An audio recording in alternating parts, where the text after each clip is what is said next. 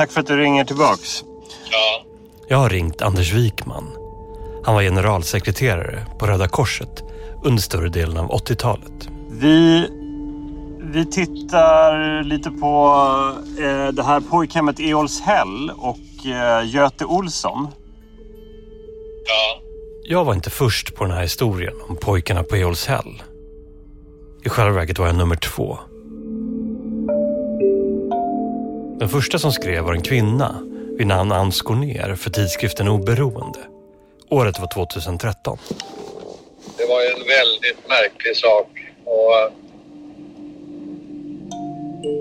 jag har sällan blivit så, så chockad faktiskt som jag blev när någon ringde då 2012 eller 2013 och, och i princip sa att han var pedofil.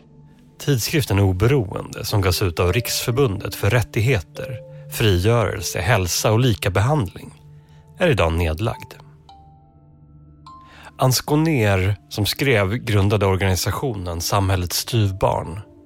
Hon intervjuade en handfull människor som bott eller vistats vid Eolshäll och som berättar att de har varit utsatta för övergrepp av Göte Olsson.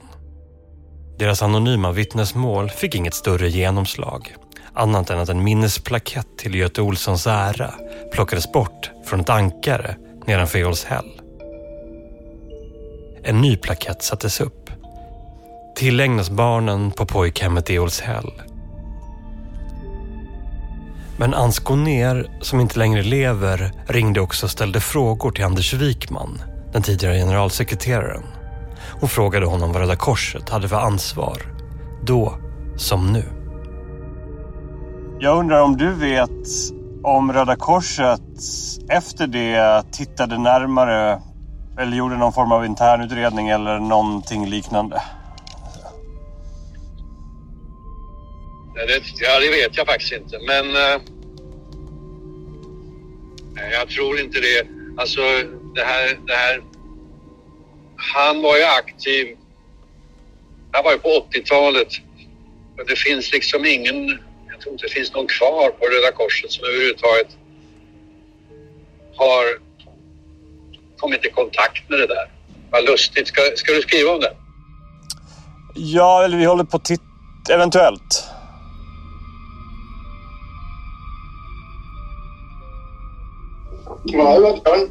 Det här är Björn Frändegård. Han jobbade också för Röda Korset på 80-talet som socialsekreterare. Ja, tjena. Det här var, det här var Björn också. Det är när jag ringer till Björn Frändegård som jag inser att Göte Olsson kanske hade kunnat stoppas för länge sedan medan verksamheten fortfarande pågick för fullt. Röda Korsets administratör som jobbar på Eolshäll har nämligen hört rykten om Göte Olsson. Administratören har fått höra att Göte Olsson förgriper sig på barn eller håller på med pojkarna och meddelat Björn Frändegård den här uppgiften. Jaha, sa jag, men vad fan. Tror du på det då? Nej, sa han, jag har inte sett någonting åt det hållet. Och... Nej, nej, och inte jag heller, säger jag. Nej, det är långsökt. Men så sa jag att, men skulle inte du kunna kolla upp med kriminalregistret då? Hur det är? Om man bedömt? Eller det ligger någon rättegång och Alltså det var väldigt diffust rykte och det var från en diffus källa också. Jag kommer inte ihåg det. Eh, Men då kom tillbaka efter någon dag och han hade pratat med någon jurist eller någon kompis. Och Nej, det finns ingenting på Göte. Nej, vad skönt då. Ja, ja, ja. Nej, sen gick vi bara vidare.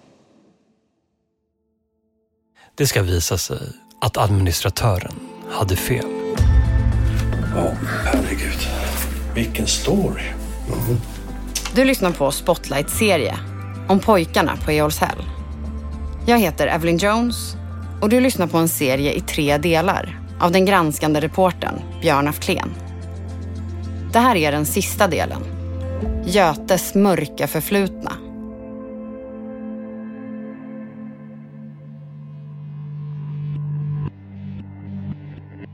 Att barn utsätts för övergrepp i fosterhem är egentligen inget nytt. Det skedde under hela 1900-talet.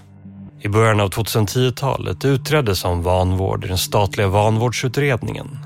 Utredaren kartlade övergrepp som ägt rum mellan 1920 och 1980.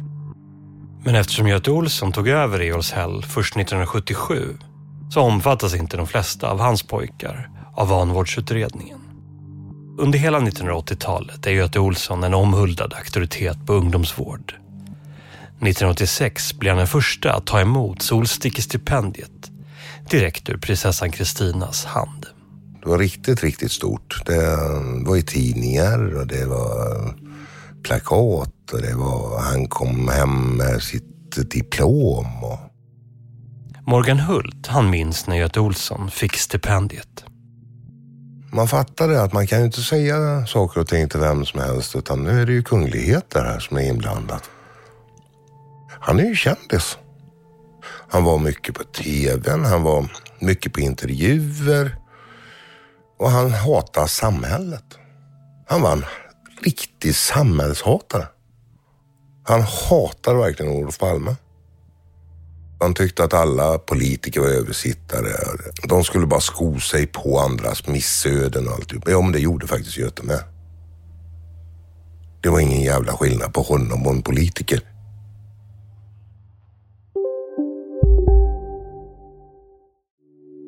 Hej, Ulf Kristersson här. På många sätt är det en mörk tid vi lever i. Men nu tar vi ett stort steg för att göra Sverige till en tryggare och säkrare plats. Sverige är nu medlem i Nato. En för alla, alla för en. Vi är specialister på det vi gör, precis som du. Därför försäkrar vi på Swedea bara småföretag, som ditt. För oss är små företag alltid större än stora och vår företagsförsäkring anpassar sig helt efter firmans förutsättningar. Gå in på swedea.se företag och jämför själv.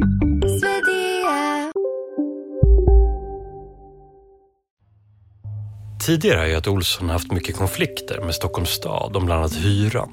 Ekonomin i hans verksamheter gått dåligt och det finns en risk att han måste lägga ner. Men när Röda Korset kliver in som Göte Olssons samarbetspartner 1979 genom att bilda en gemensam förening med honom, då tystnar kritiken och relationen till kommunen blir bättre. Röda Korset utrustar föreningen med en dekorerad krigshjälte från Finland som håller löpande kontakt med myndigheter. Röda Korset gör Göte Olsson rumsren, som organisationen själv skriver 92. En acceptabel motpart för kommunerna som skickar killar till Eolshäll. I ett brev till myndigheter den 13 augusti 1979 skriver Röda Korsets dåvarande generalsekreterare Anders Wikman att Göte Olssons ungdomsverksamhet citat, stämmer väl överens med de humanitära principer på vilket Röda Korset bygger sin verksamhet. Slutcitat. Administratören som arbetade vid Göte Olssons sida är idag död. Eftersom han inte längre lever och vi inte kan ställa frågor till honom har vi valt att anonymisera honom i den här podden. Administratören besöker Eolshäll varje vecka. Han håller kontakt med Stockholms stad, med myndigheter och även med Försvarets materialverk som ser till så att Göte Olsson får ta över ett tiotal militärbåtar. Det var också administratören som en gång tipsade Anders Wikman om Göte Olsson. Vid något tillfälle då under 79 så berättade han om den här mannen och Eolshäll och verksamheten och att den höll på att eh, gå överstyr därför de hade inte finansiering eh, eh, och, och, han sa att det här är väldigt mycket bra verksamhet. De engagerar otroligt mycket ungdomar. Efter mina telefonsamtal med Anders Wikman och Björn Frändegård bestämmer vi att vi ska ses tillsammans alla tre. Och han sa helt enkelt, tror du att Röda Korsets distrikt i Stockholm skulle kunna engageras på något sätt? För det här är, det här är viktigt och så vidare. Det är 40 år sedan de jobbade ihop på Röda Korset. Anders Wikman som var generalsekreterare och initiativtagare till intresseföreningen där Björn Frändegård fungerade som kontaktperson. Björn var anställd på Röda Korset som socialsekreterare. Nu sitter vi i DN-huset i Stockholm. Och då var ju fosterhemmet en del, men det var ju så mycket annat. Fosterhemmet eh, var ju inte någonting som berörde oss, utan vi, vi, vi, vi började titta på själva verksamheten i stort. Och det här som då kom att bli eh, ett visst stöd. Eh, det var ju en lite udda fågel kan man säga. Anders Wikman fick en så positiv bild av Götes verksamhet att han funderade på om det gick att skala upp. Och jag kommer ihåg att jag när jag hade lärt mig lite mer om verksamheten så tänkte jag, kan, kan, man, kan man skala upp det här? Kan man få till det här i andra förortsområden? Givet då att det var så mycket problem med missbruk, med ungdomar som var på glid och det här, det här kändes som det var en, det var en bra verksamhet och ett bra sätt att, att eh, tackla de här killarna. Ge dem ansvar och så vidare. Göte Olsson drev inte bara fosterhem. Med hjälp av Röda Korset så arrangerade man kollo på sommaren, disco, skateboardklubb, ridklubb. Röda Korset gjorde ingen egen utvärdering av den verksamhet som man var med och finansierade. Det berättar Björn Frändegård. Alltså den rapport, enda rapport jag hittade, nu letar jag inte bland gamla tidningsurklipp, det är den här som jag skrev 81, verksamhetsberättelse för intresseföreningen Svenska Röda Korset, ny. Det är det enda. Mm. Men sen hade vi ju, alltså jag hade ju socialsekreterarna i, som Röda Korset har. Vi hade möte där ute tillsammans med Göte och gick runt och tittade på allt från hästar till båtar till disco till heter, skateboardramper alltihopa. Va? Och, men vi ingen, ingen egentlig utvärdering.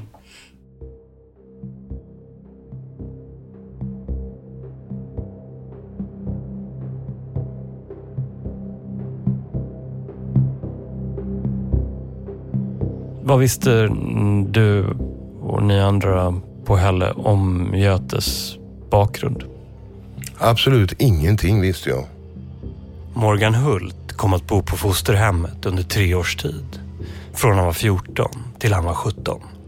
Det var ingen som ville ha mig. Och, och, och den enda som tog emot mig var Göte. Vad Morgan Hult aldrig visste, det var att Göte Olsson, han heter inte Göte egentligen. Det är ett rutinsamtal till folkbokföringen som får mig att inse att allt inte står rätt till. Det här är Björn Åhlén på Dagens Nyheter. Jag har en fråga om en person som eh, heter Göte Olsson. Och Göte Olsson? Han dog enligt dödsannonsen eh, den 15 maj 1992. Har du någon anhörig till honom eller så? Nej. Kan du, om, om du får ett födelsedatum, kan du se någon... Hjälper det? Jag kan börja. Ja, jag är ledsen. Hittar ingen sån? Nej. Okej. Okay. I Sveriges dödbok, som listar alla som dött ett år, kan jag konstatera att kring datumet då Göte Olsson ska ha dött, enligt dödsannonsen, så dog aldrig någon Göte Olsson. Däremot en annan man. Simon Gottfrid Olsson. Simon Gottfrid Olsson, om du skulle söka på det.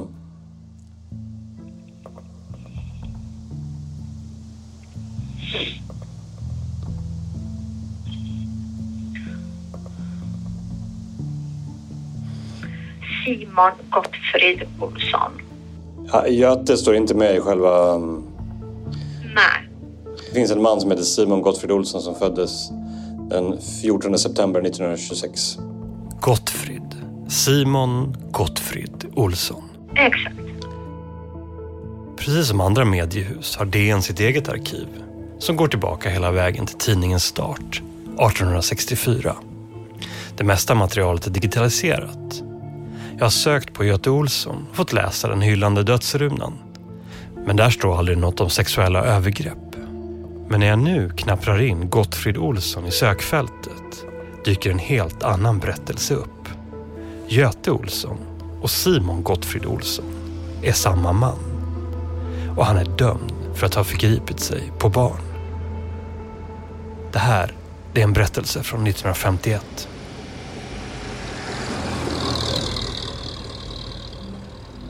Simon Gottfrid Olsson går då ut från en biograf på Kungsgatan i Stockholm. Han är på väg mot Nybroviken. Han är 25 år gammal, bilmekaniker, bostadslös, Han har prostituerat sig och umgås med andra prostituerade.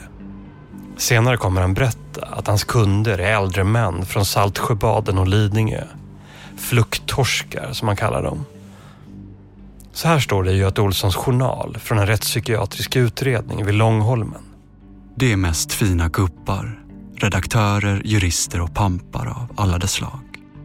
Sen står det vidare i journalen. På Stureplan kan Olsson inte visa sig utan att de känner igen honom. Citat.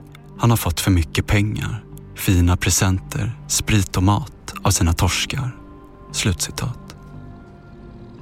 Men den där natten 1951 kommer han att stöta ihop med en 15-årig pojke. Han är berusad. Vi kallar honom Bertil. Han har precis rymt hemifrån. De börjar prata med varandra och Göte Olsson, han erbjuder pojken någonstans att sova. I verkstaden på Södermalm, där han jobbar som mekaniker. Efter den där första natten i verkstaden så berättar pojken för Göte att han är efterlyst av barnavårdsnämnden. Göte, han säger att han ska fixa det. Och Göte ordnar det genom att övertyga myndigheterna om att tillfälligt få överta vårdnaden om Bertil.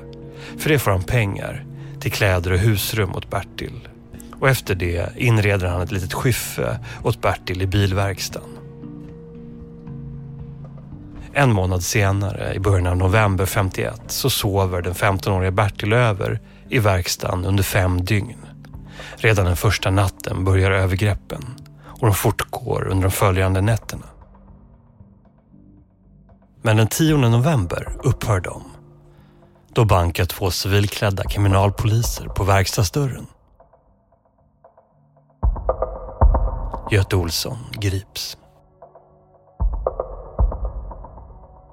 Polisen har under en tid utrett Göte Olsson för bedrägerimisstankar efter att han i ett radioprogram med Lennart Hyland berättar hur Stockholms mc-knuttar gör för att bedra försäkringsbolagen. Polisen misstänker att även Göte Olsson kan vara en försäkringsbedragare. Men polisen kommer ett helt nytt brott på spåren. Brott där Göte Olsson systematiskt utnyttjar pojkar sexuellt. Han döms 1952 bland annat för samlag i munnen och mutuell onani med totalt sex pojkar. I den efterföljande sinnesundersökningen framkom det att Göte Olsson sedan åtminstone 1950 haft frekvent sexuellt umgänge med pojkar mellan 15 och 18 år gamla. Rättsläkaren uppmärksammar också att Göte Olsson först försökt hjälpa en hemlös pojke som befinner sig på rymmen, till och med ta över vårdnaden om honom, för att sedan sexuellt utnyttja honom. Det är ett utslag av Olssons citat makabra initiativrikedom, slutcitat. Han framställer sig själv, skriver rättsläkaren, som den osjälviske hjälparen. Och jag brukar säga så här när de skäller på mig och säger att du får väl inte ut någonting för du jobbar så här gratis. Så säger jag att visst får jag det, säger jag. Jag får ut lika mycket som Wallenberg. Han får ut det ekonomiska och jag får ut det känslomässigt sett att jag trivs med ungarna och tycker om dem.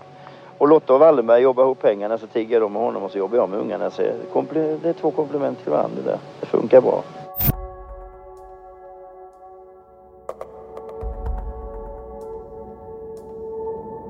Ungefär 25 år efter domen fallit, i mitten av 70-talet, börjar de första barnen som jag har kunnat hitta placeras hos Göte Olsson. Under arbetets gång får jag kontakt med ungefär 20 pojkar som bott på Eolshäll.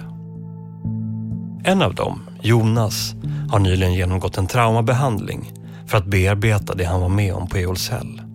Han har tvingat sig själv att gå till badhus och titta på män i Götes storlek. På Eolshäll rörde Göte vid Jonas kön ytligt ett hundratal gånger. En av Jonas vänner på Eolshäll fick nog och gick till sin socialsekreterare i Skärholmens centrum och sa att han inte ville att Göte skulle pussa på honom varje natt. Jonas var med sin kompis på mötet, men inget hände efteråt. En annan av killarna jag träffar heter Mikael. Han var med i en av de första kullarna som placerades på Eolshäll. Mikael vill inte framträda med sitt efternamn, men han låter mig läsa ett brev som han skrev till myndigheter 2013. Jag har bara lite minne av vad som hände när vi kom hem. Minns att han hjälpte mig in på mitt rum. Sen vad han gjorde med mig har jag bara fragment av. Han tafsade och försökte pussas. När jag vaknade nästa morgon låg jag naken i min säng. Efter det så var han hur snäll som helst. Själv mådde jag jättedåligt. Jag visste inte vad han hade gjort med mig. Men han slätade över sådana saker med biopengar. Vi fick ett paket sig varje morgon när vi gick till skolan. Plus veckopeng.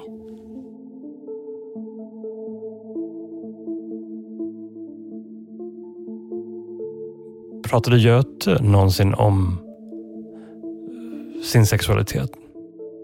Jag frågar Morgan Hult om det här. Om Göte Olssons sexualitet. Aldrig någonsin. Det var inte, inte prata om den. den. Den kände man ju. Men det var ju mer än bög. Alltså en bög han tycker om sin, i sin egen ålder. Göte tyckte om barn. Och specifikt pojkbarn. Man vet egentligen inte vad man skulle säga och, och vad man skulle ha gjort på den tiden. Um, vem man skulle säga det till.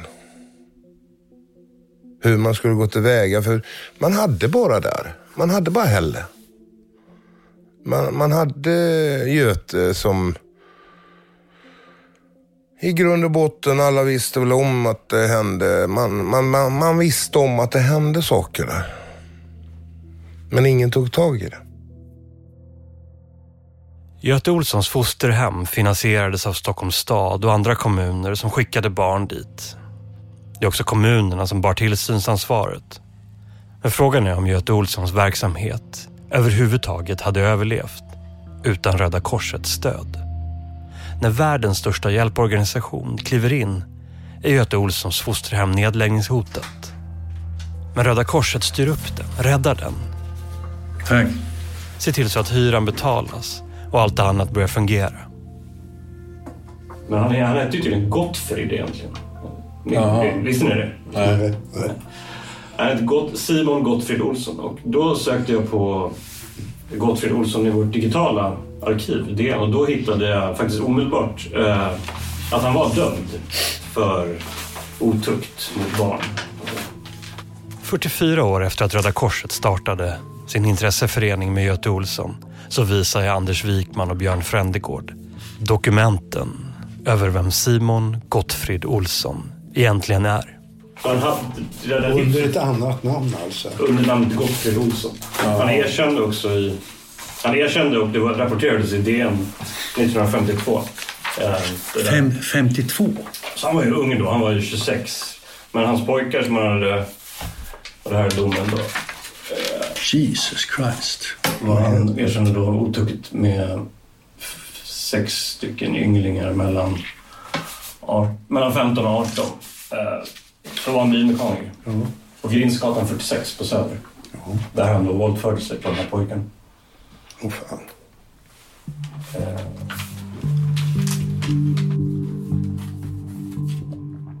Men hade, det här, hade den här domen, om ni hade känt till den, hade den diskvalificerat honom från att vara med ungdomar? Självklart. Ja. Herregud.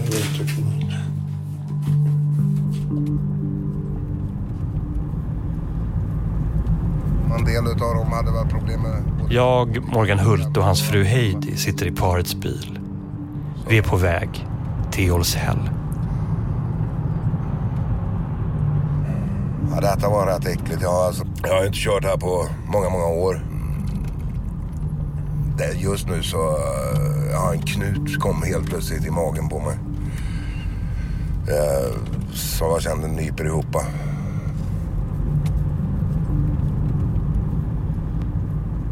Det...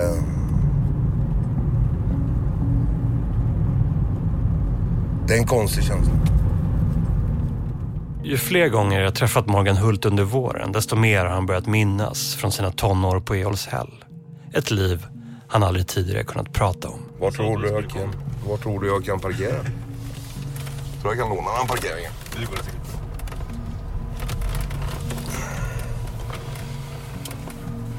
Ja du. Oj.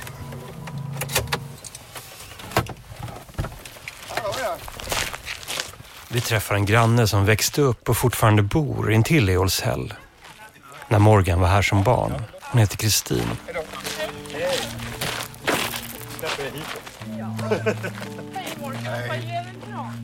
När Göte Olsson drev sitt fosterhem brukade han kalla Kristins mamma för Prussiluskan eller Hällehäxan.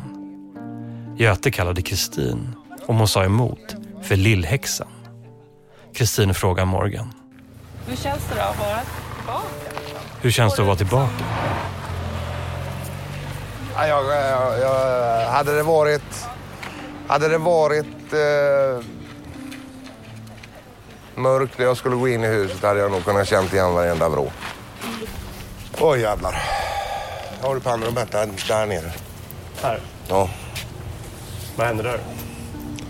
ja. Det har jag varit inlåst eh, i två dagar. Två dagar? Ja, men inte utav Göte. Vad hade du gjort då? Det var väl Röda Vita Rosen har jag för mig. Där uppe i hörnet bodde jag. Där bodde Andreas. Och där, där nere hade gubben de här tre fönstren på denna sidan och något på andra sidan. Vilket, berätta vilket fönster som är ditt. Högst upp eh, på eh, höger sida. Där borta. Precis efter där, efter den ingången där, så har du färgrummet fär, eh, ett och två. Och, och i det ena var det ju att man... Jag vaknade ju många gånger. Det var många gånger jag blev utsatt i de rummen. Den marken jag står, står på, det är, för mig är det ett hat. Den, den ger mig bara äckliga känslor. Att det kan vara så starkt. Och så pekar Morgan på mig. Det är på grund av, det- av ditt handskrivna brev jag berättar allting. Hade du aldrig skrivit det brevet hade det aldrig kommit fram. Jag tror inte det hade blivit uppdagat under min levertid. Fast du berättar för andra eller? Nej! Jag var gift med Heidi i 28 år. Ja. Jag har aldrig vågat berätta det. Men Du skyller ju själv på dig själv idag. Han Ja, det gör säger jag. ju, Det är mitt fel för det var jag som var en jä- jäkelunge. Därför hamnar jag här. Men Ja. det var ju inte ditt Det var mitt fel att jag hamnade här. Jo, men det är inte mitt fel för att jag har blivit påsatt. Nej, det är en Det är jävla inte ert fel. Det är inte ert fel. Det är inte mitt fel för att jag har blivit... Det jag har gjort som barn, det skulle inte straffas med det straffet, det kan jag säga.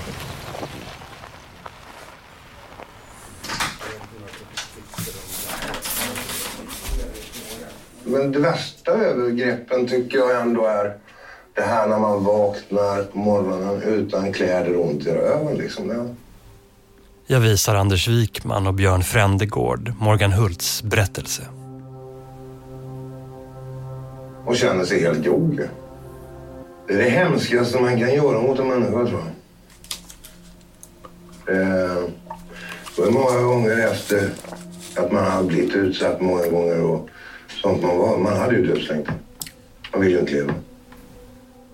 Och Leifs. Så, så, så var det då in- incidenter då, att vi var i madrassrummet eller då i- på, ja, på My eller när vi var på bussen. Han liksom bara ville krama så han ville bara att, jag- att jag skulle ta av sådana där grejer. Liksom. Eller att han, att han skulle krama mig medan han runkade eller att han fick ta på mig. Och grejer. Han, han, han försökte få mig att suga och sådana grejer men det... Och grejer, men då fick jag ligga på hans mage istället. Så här, så låg han så här när jag var liten. Han har väl kört, kört och sånt där. Vad, tror, vad, vad tänker ni när ni ser det här? Det är ju autentiskt till förbannelse. Så att det, det är bara att konstatera att det, det förekom. Och det är ju, det är ju, jag menar, det är ju intressant att det, han var dömd redan 1952. Alltså. Då, då, men då frågar man ju sig hur i helsike har myndigheterna agerat? Som har satt ett par hundra fosterbarn där. Alltså det är, för, det är för mig obegripligt. Det här, är, det här ska naturligtvis det här ska fram.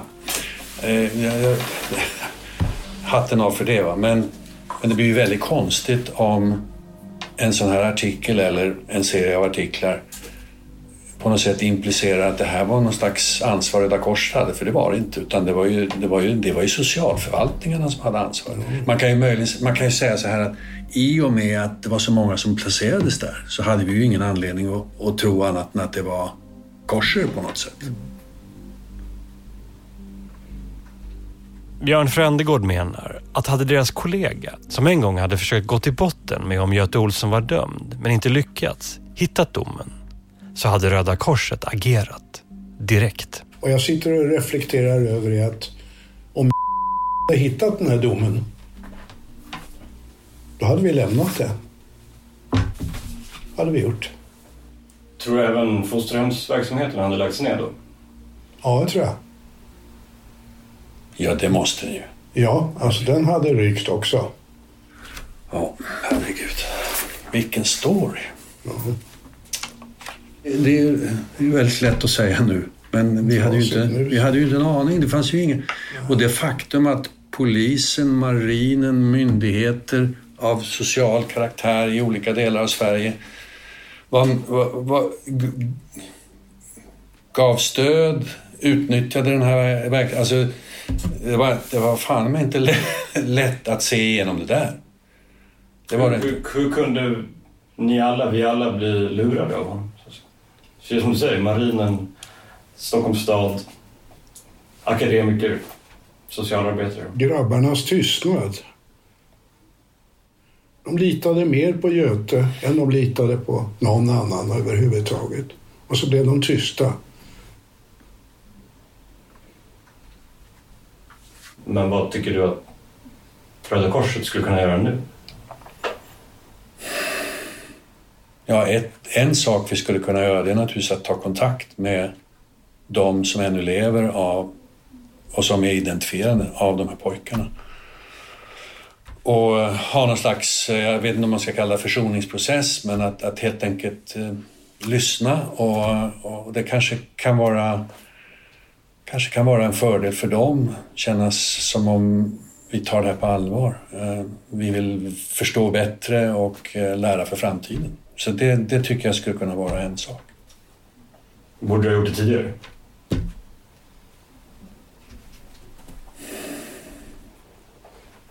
Ja, jag var inte klar över omfattningen. Jag var faktiskt inte klar över omfattningen. Det, ehm, jag tycker med, med kunskap om vad vi nu vet så, så skulle Röda Korset idag kunna göra det. Och då är det klart att jag medverkar i sådana fall.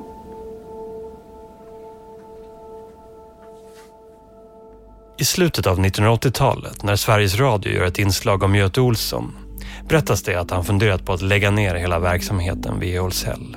Han har inte råd med hyran längre. Och nu sitter Göte Olsson där och ser tillbaka och bläddrar i sina album med foton och gamla tidningsurklipp. Här ser du då ungarna. Du ser det är en egen försvarsarmé här. Det är en egen stad där själv. Här är små killar som idag är vuxna.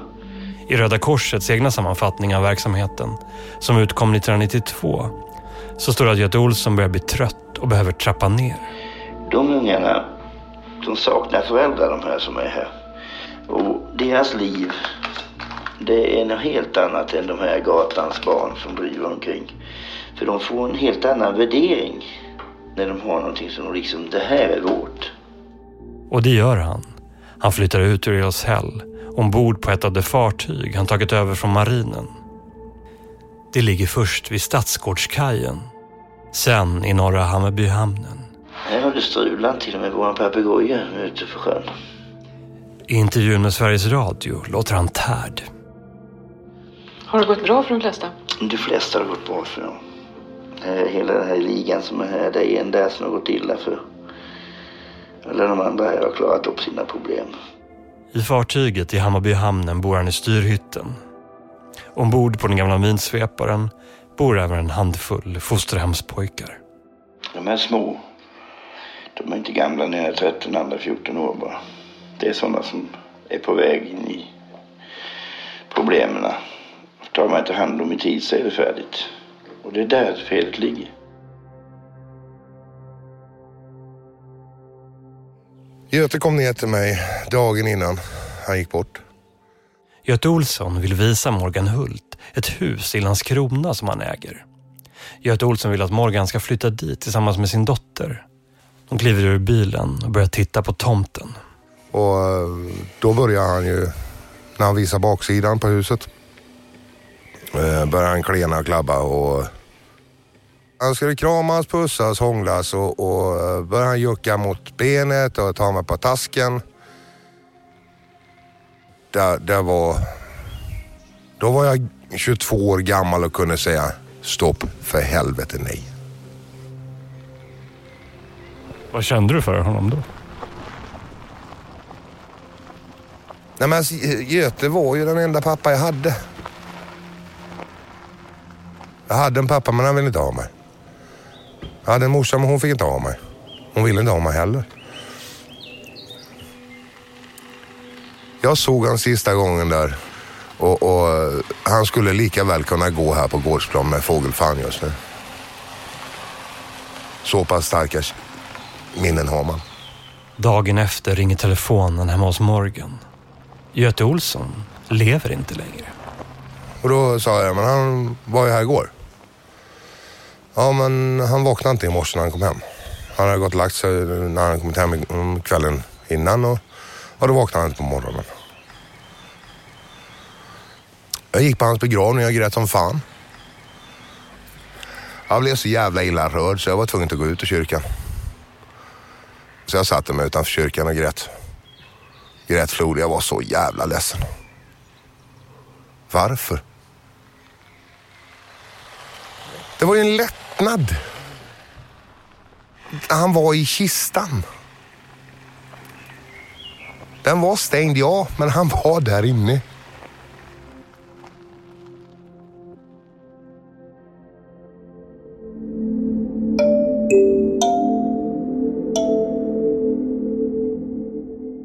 Efter Göte Olssons död kontaktas Morgan Hult av Röda Korset för att vara med och stänga ner verksamheten efter Göte Olssons plötsliga död. Det är barn ombord på minsveparen som måste tas om hand och placeras ut i andra hem. De eh, betalade mitt körkort eh, som tack för att jag åkte upp och jobbade för Röda Korset och eh, skulle lägga ner den här verksamheten som Göte hade på båten med alla de här ungdomarna. Se till att de fick mat och att de kunde komma ut på ett annat boende. Alternativt hem eller liknande Hassela-kollektiv eller något någonstans där de kunde ta emot dem. För båten skulle säljas. Båten skulle säljas, vilket också blev såld. Så du flyttade in på, på Götes båt? Och mer än så, jag flyttade in i Götes hytt. Jag flyttade in i kaptenshytten. Och det var där Göte dog också. Jag tänkte inte så mycket på den tiden. Jag vet faktiskt inte egentligen varför jag tackar ja.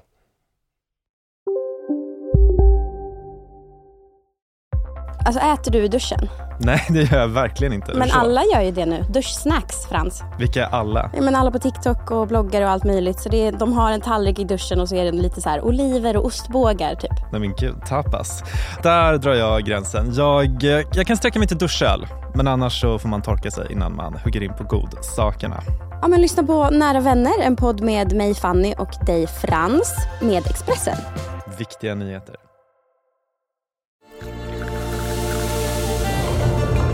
Välkommen till Maccafé på utvalda McDonalds restauranger med Baristakaffe till rimligt pris. Vad sägs om en latte eller cappuccino för bara 35 kronor? Alltid gjorda av våra utbildade baristor.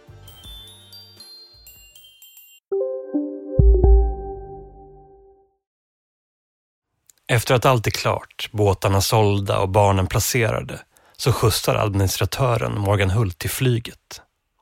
Det var administratören som en gång berättade för Röda Korset om övergreppsrykten och som sökte svar om Götes förflutna. Och nu, i bilen på väg bort från hamnen, frågar han Morgan om han också blivit utsatt av Göte Olsson. Men jag var alltså 22 år gammal när Göte dog. Och... Eh, först nu har jag berättat för min fru och då har jag varit gift i 28 år snart. Så det fanns nog inte läge att berätta det för någon vid, det, vid den åldern.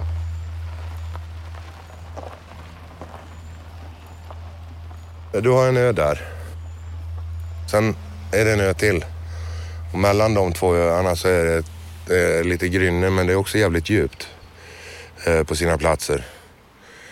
Och där hade man ju funderat på om man skulle lyfta upp en sten och binda runt anklarna och bara hoppa. Eh, det är många gånger. Många gånger man har funderat på. Jag kom in där med min lilla snipa. Den var inte så djup i botten. Så att, Hur, hur många gånger tror du att du åkte runt där? ja, det är ett 20-tal gånger minst. Om inte mer. Herre jävlar vad minne jag har.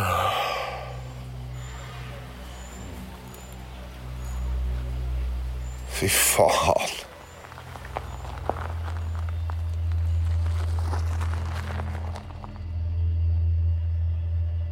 När Morgan Hult är 17 år gammal rymmer han från Eolshäll. Eh, ingen såg det komma att jag skulle rymma. Så när jag rymde härifrån så tog det tre månader innan gubben hörde av sig. Då bodde jag hos min bror i Helsingborg. Bror och syster. Och då hörde han av sig och ja, men jag visste var du var hela tiden. Jo, jo, det måste vara möjligheten. Men jag var ju socialt omhändertagen så jag skulle ju varit hämtad på inom 24 timmar egentligen. Men eh, Får jag fråga vad du sa till dem? Alltså när du sa, du, du berättade säger du. Vad berättade du då? Vad sa du? det sociala myndigheter. Ja, och även till Där din... sa jag man poängterar det här, ja, man kramar mig hela tiden och, och sådana här grejer. Sådana enkla grejer. Man vågar aldrig berätta att man blir knullad liksom. Det, ursäkta språket. Det, Fick du följdfrågor på det då? nej, Nej. nej.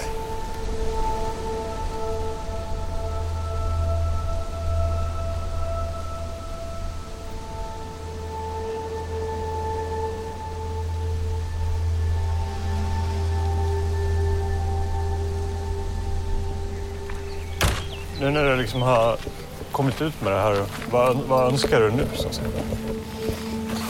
Ja. Jag vet inte vad jag önskar.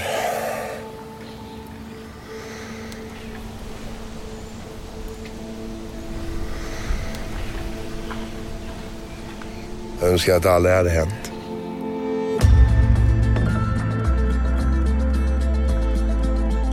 Göte Olsson är idag avliden och kan därför inte svara på frågor om de sexuella övergreppen. Du har lyssnat på den sista delen av Spotlight-serie Pojkarna på Eolshäll av den granskande reportern Björn af Kleen. Efter Dagens Nyheters publicering så går Röda Korset ut med en pressrelease.